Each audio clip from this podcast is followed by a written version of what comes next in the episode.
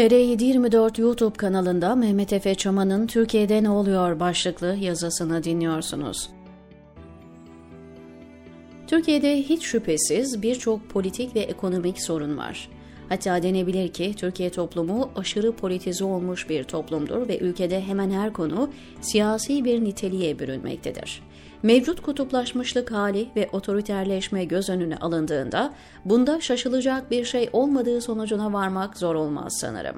Ayrıca siyasi kültürden kaynaklanan bir takım sorunlar da muhtemelen bu durum üzerinde etkili olsa gerek.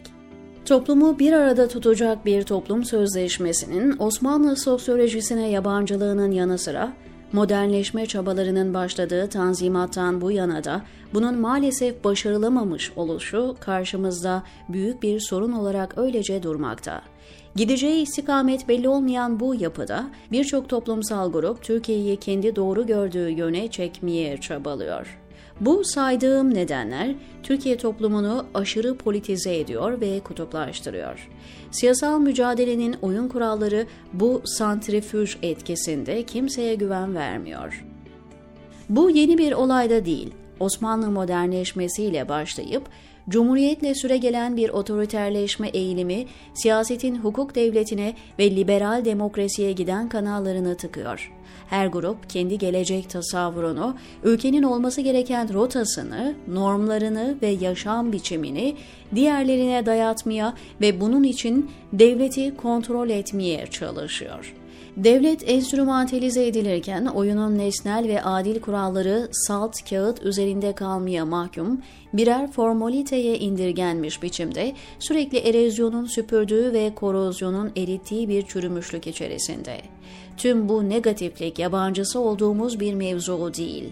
Nesillerdir süren bu patolojiyi aşmak nasıl olacak sorusu sanırım Türkiye siyasetindeki en başta gelen sorulardan biri bir arada yaşamı dayatan gerçekliğimizin karşısında birbirine yabancılaşmış, birbirini ötekileştiren, birbirinden kopuk toplumsal parçaları bir arada tutan dikişler patlıyor. İdeolojik, etnik, dinsel, bölgesel, sosyoekonomik ve kültürel birbirine yabancılaşmışlık hali, Türkiye'de birlikte yaşayan insan kitlesinin toplum olarak nitelendirilmesini zorlaştırıyor. Zira toplum olmanın öncelikli kıstasları bir arada yaşama isteğine, ortak gelecek tasavvuruna ve biz duygusuna dayanmaktadır. Türkiye insanlarının malum bölünmüşlüğü bu konularda umutlu olmamızı zorlaştırıyor. Cumhurbaşkanı Erdoğan'ın Hatay konuşmasını dinlerken bunları düşündüm. Her şey siyaset değil, bir iç savaş içerisinde değiliz. En azından bunun adı konmadı. Düşük yoğunluklu bir tür latent iç savaş var belki. Ve evet ürkütücü biçimde uçurumlar derinleşiyor, köprüler birbiri ardına atılıyor. Hoyratça ve hatta intiharsı bir şehvetle saflar sıkılaştırılıyor, ötekiyle araya konulan mesafe artırılıyor, sinsi bir düşmanlık gençlere aşılanıyor, ortak zemin yok ediliyor. Bayramlarda, umutlu günlerde, kaderde ve kederde, başarılarda ve zor günlerde eskiden yani benim çocukluğumda tanık olduğum birleşmişlik hali çok uzun süredir yok. Birbirini sevmeyen, birbirine tahammül dahi edemeyen, birbirinin kuyusunu kazan, ötekileştirdiklerini bir kaşık suda boğmak isteyen, homojenleştirici bir düşmanlıkla ülkenin tüm temellerini yıkmaya kararlı bir amok hali, sosyolojik bir kanser gibi bünyeyi istila ediyor. Çok geç olmuş olabilir. Zira iyileşme belirtisi göremiyorum. Akil sesler birbiri ardına söndü ve gitti. Eskiden içimizi ısıtan ve umudu dirilten kalemler artık yazmıyor. Şövalyeler meydanı çakallara ve itlere terk etti. Ve işte o Hatay konuşması bu onulmaz uçuruma koşuşu net biçimde ortaya koydu.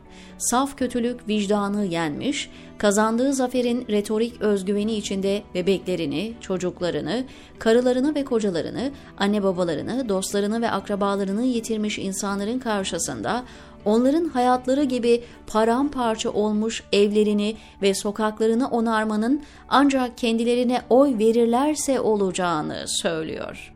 Yaklaşan yerel seçimlerde eğer ki yanlış partiye oy verirlerse depremin yok ettiği kentlerinin öylece yıkık, acılı, kaderine terk edileceğini söylüyor. o kentin sokaklarında hala o çürümüş ceset kokularının hissedildiği, molozların altında sadece kaybedilen umudun değil, fiziksel olarak birbirine harmanlanmış insan iskeletlerinin olduğu mahallelerde bir basit kabristanın çok görüldüğü, adları devletin istatistik verilerine dahi geçirilmeyen o garibanlar Tayyip Erdoğan'ın konuşmasını gömülü oldukları beton denizinin altından işitmişler midir? Deprem sonrası ilk dakikalardan enkaz altındaki son canın da ruhunu teslim ettiği saniyeye kadar merkezi hükümetin neden felakete uğramış şehirlere gitmediği, yardımın onlardan esirgendiği ortadadır. Yazının başında söz ettiğim o kutuplaşmışlık, o ötekileştirme, o yabancılaşma bile bu konuşmanın içinde eksik olan insanı ve insanlığı izah edemez. Vicdanlı insan karşısındakine kendi gibi bilir ve ondan merhamet bekler. Oysa karşısındaki insan görünümlü kas ve deri tabakasının altında kemiklerinden ve iliklerinden, damarlarından ve içinde devinen kandan, çarpan kalbin ritmik mekaniğinden, genlerinden ve DNA'sından daha farklı olarak bir ruha ihtiyaç duyar. O ruh illa bir metafizik veya dinsel diskura uygun tasavvur edilmek zorunda da değil. İnsanı insan kılan, insanı yabandan ve kötüden ayıran, merhametin ve iyiliğin kaynağı bir sıcaklıktır o. Hatay konuşmasında o sıcaklığı hissettiniz mi? Neden? Çünkü yoktu. İyilik ve kötülük görecelidir diye iyiliği yok ettiler. İyilik ve kötülük izafi değildir, gerçektir. Her an, her ortamda neyin iyi ve neyin kötü olduğunu bilirsiniz. Depremde tamamen haritadan silinmiş, yüz binlerce canın kaybedildiği, insanların geçmişinin, geleceğinin, evlerinin ve mezarlarının saniyeler içinde yok olduğu, ülkenin canını yakan, kalbini buran, başları öne eğdiren bir facia karşısında buz gibi bana oy vermezseniz yardım beklemeyin diyen bir adam. Rejimsel bir mesele değildir. Öyle anlaşılmamalıdır. Ete kemiğe bürünen bir kötülükle karşı karşıyayız.